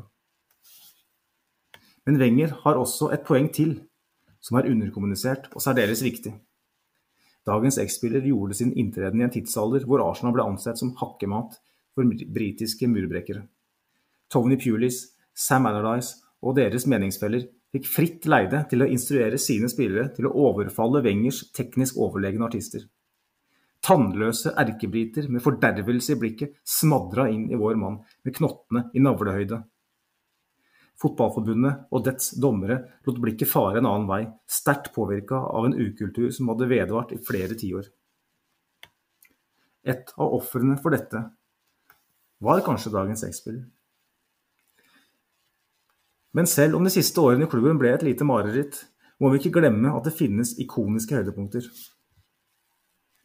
Prestasjonen mot Barcelona er nok på pallen, men det er sannelig skåringen mot Norwich i 2014 også. Entouch-spillet mellom ham og Giroud fremkalte assosiasjoner til Matrix. Hvordan de klarte å hælflikke seg gjennom det nettverket av hindringer mens ballen hele veien var i lufta, er nesten ufattelig å begripe. En helt unik lagskåring som fotballhistorien knapt har sett maken til. Og så må vi ikke glemme det mest ikoniske øyeblikket av dem alle. What do you think of Tottenham? Shit! What do you think of shit? Tottenham! Thank you! That's all right. Vi snakker selvsagt om en passe Kanakas Arsenal-gutt med bøttehatt og solbriller hengende over gelenderet ovenfor The Armory i 2015. Foran ham sto hundretusener av fremmøtte gunnere, de også i feststemning etter FA-cuptriumfen dagen i forveien. Ordene han ytret i mikrofonen, sementerte hans status som en av oss. Han forsto. Han forstår. Høyt oppe i borteseksjonen på Villa Park fikk tre nordmenn se lidenskapen i øynene på en ekte Arsenal-gutt. En lidenskap som alltid vil være der. Jack Wilshere er en av oss. Ah, den her har jeg faktisk venta på, Magnus. Og endelig kom den. Passende nok i dag òg, når har en Man har en liten Wilshere-nyhet å, å melde om kanskje også. Men uh, denne her er jo blant de bedre du har, og ikke minst av en av de mer vemodige. Uh, What could have been uh, snakkes jo om i mange sammenhenger. Men Wilshere er vel kanskje en av de, de største av de alle i forhold til hva som kunne ha blitt. Han var min, en av mine store favoritter tidlig. Jeg husker jeg kjøpte, kjøpte drakta hans før han hadde slått gjennom, faktisk. Og var skikkelig godt fornøyd med det, etter å ha sett at han køla han i krysset på reservelaget med en humrende Wenger på tribunen. Husker jeg satt og vet ikke hvor mange ganger man så gjennom noen sånne video- og YouTube-klipp. Det var ekstremt. Og det å se at han herja som han gjorde i den eh, gjennombruddssesongen sin, det var, eh, det var, en eh, vill ting å være vitne til, altså. Og dessverre, som du er inne på, han herja såpass mye at han ble litt for viktig. Og du sa 49 matcher spilte han den sesongen der. Ja. Og det er jo lett å tenke at i ettertid så var det å drive rovdrift på en ung spiller. Eh, det er mange sammensatte årsaker nok, men eh, nei, her, her går man og kjenner på at uh, ja, egentlig fotballen gikk glipp av noe stort, altså, rett og slett. For han var, han var altså så god i, i, starten her. Og jeg klarte ikke engang å huske at han har vært ute så lenge sammenhengende. at han ikke engang toucha gresset eh, den 11-12-sesongen der, det huska jeg ikke. Nei. Nei jeg, på, jeg, gjorde litt research mens jeg skrev teksta, og jeg, jeg, husker heller ikke at den var ute hele sesongen. Så så jeg på Transfermark, da får du muligheten til å gå gjennom sesong for sesong, ikke mm, sant, mm, mm. opptredener. Og da, det var ikke 2011-12-sesongen et alternativ man kunne klikke på. Han var rett og slett ikke med. Aldri tilgjengelig, rett og slett. Nei, så det er ganske utrolig. Og så mista han jo altså vi snakker mye om Diaby og mm. Rositski og sånn, men um, Wilshere er nesten mer ekstremt med tanke på at han uh, var så uh, pålitelig som han var i den ene sesongen. Mm. Da virka han jo udødelig.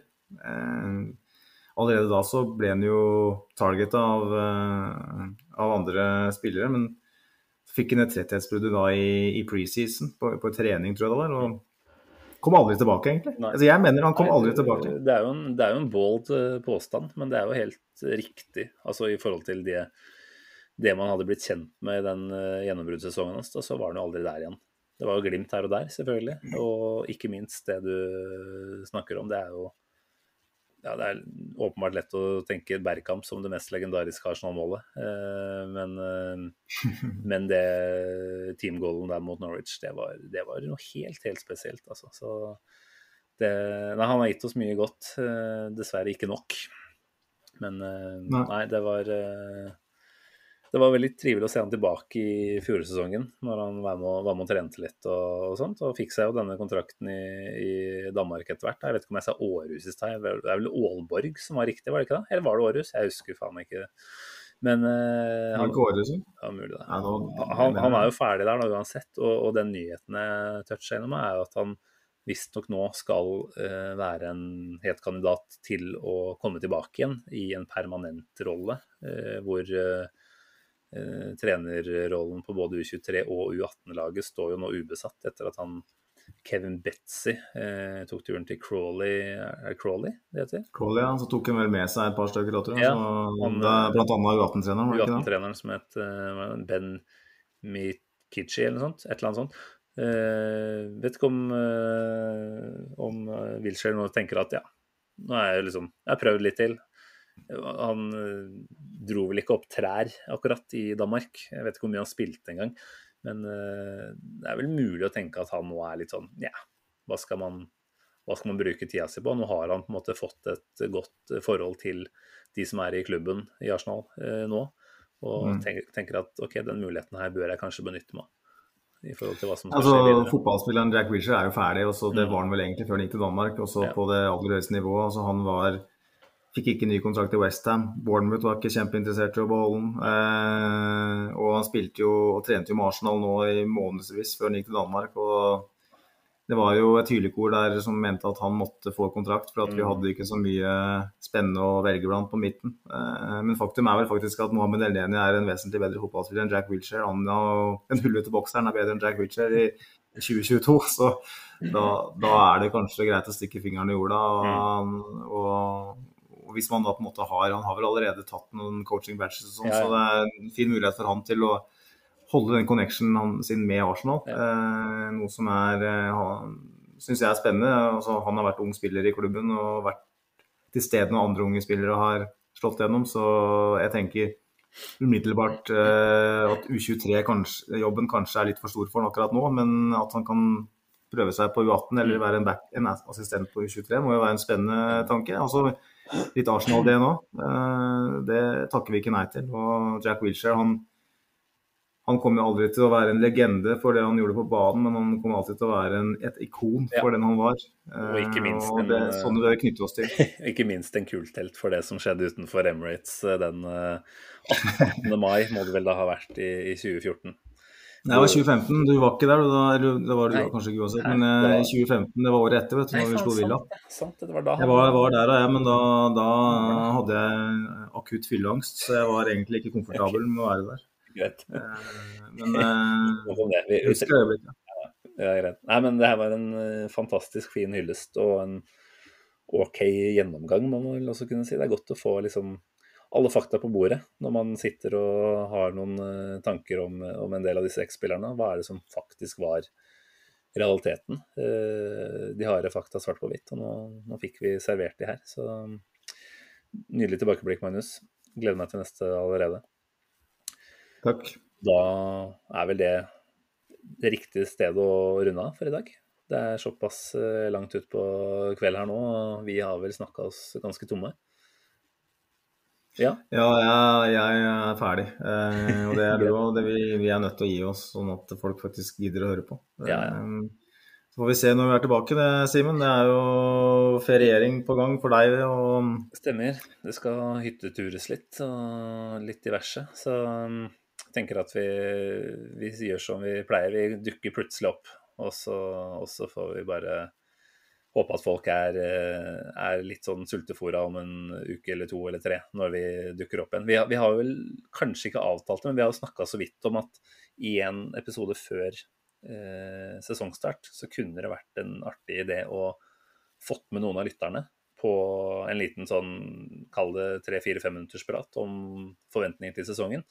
Eh, så kan du bare benytte anledningen allerede nå til å si til de som følger med, 1 time og 50 ut i sendinga, at uh, har dere kommet hit, så har dere nesten automatisk gjort dere fortjent til en, en visitt, hvis dere måtte ha lyst til det. Så Send gjerne en innboksmelding på Facebook eller Twitter hvis man kunne hatt lyst til det. Eh, vi kommer også til å legge ut en liten post eh, når den eventuelt skulle være aktuell, eh, og så får vi ta den når det passer.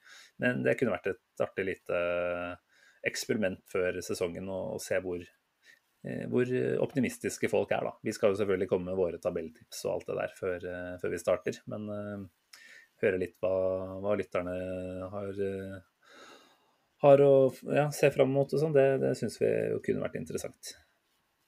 Men, Gjerne uh, lyttere som er uh, kjempeuenige da. Gjerne det, altså. ja, ja, ja. Alt mulig. Alt er, altså, mm. Uansett hva man skulle mene, om du er enda mer pessimistisk enn Magnus eller mer optimist enn meg, så, så er det plass i den poden her. Så det bare å bare sende en melding hvis det kunne høres ålreit ut, og så tar vi som sagt kontakt når det nærmer seg. Mm. Bra. Nei, men Da runder vi av, Magnus. Takk for en uh, nydelig prat nok en gang. Takk til samme, Simen. Vi, vi, eh, ses neste korsvei, er det mulig å si i dag. Vi ses Endelig korsvei. ja, å, det var deilig å ta en eh, lang pause fra disse kristne ja, metaforene, men nå, er, nå var vi der igjen. Som seg hør og bør. Det er kanskje greit. Nei, Vi ses vel på Snapchat i løpet av ferien, vi frykter. Det dukker alltid opp noen noe bilder der. Men eh, per nå så legger vi lokk eh, på praten for denne gang, og så sier vi bare tusen takk til deg som lytter. Eh, det setter vi jo veldig stor pris på, da. Og på gjenhør om ikke altfor lenge. Ha det bra. Ha det, ha det. Hei.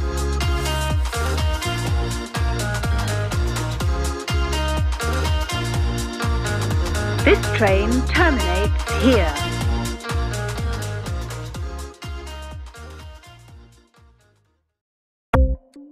Ukens annonsør er HelloFresh. HelloFresh er verdens ledende matkasseleverandør og kan være redningen i en travel hverdag. Mange av oss har nok vandret i butikken både sultne og uten en plan for middagen, som ender med at vi går for de samme kjedelige rettene gang på gang. Middag burde være dagens høydepunkt, Som Hello Fresh kan du nå velge mellom 25 ulike retter hver eneste uke, eller få Hello Fresh til å sette sammen menyen for deg. Dette gir deg muligheten til å prøve nye og spennende retter alene eller sammen med familien. Du velger antall porsjoner og får alt levert på døren på et tidspunkt som passer for deg. Oppskriftene er enkle, og maten er lett å lage både for store og for små. Ved å få alt levert hjem får du også mer tid til å dele matgleden med familie og venner. Kanskje det frister med asiatiske tacos eller greskinspirert kylling? Da kan jeg anbefale deg om å gå inn på hellofresh.no. Her kan du bruke koden FOTBALL og få opptil 1779 kroner i rabatt på de første fem matkastene hvis du ikke har prøvd HelloFresh tidligere. Du kan også bruke rabatten hvis du har vært kunde og stoppet abonnementet ditt for tolv måneder siden eller lengre. Gå inn på hellofresh.no og bruk koden FOTBALL. Har du et enkeltpersonforetak eller en liten bedrift? Da er du sikkert lei av å høre meg snakke om hvor enkelt det er med kvitteringer og bilag i fiken, så vi eh, gir oss her, vi. Fordi vi liker enkelt. Fiken superenkelt regnskap.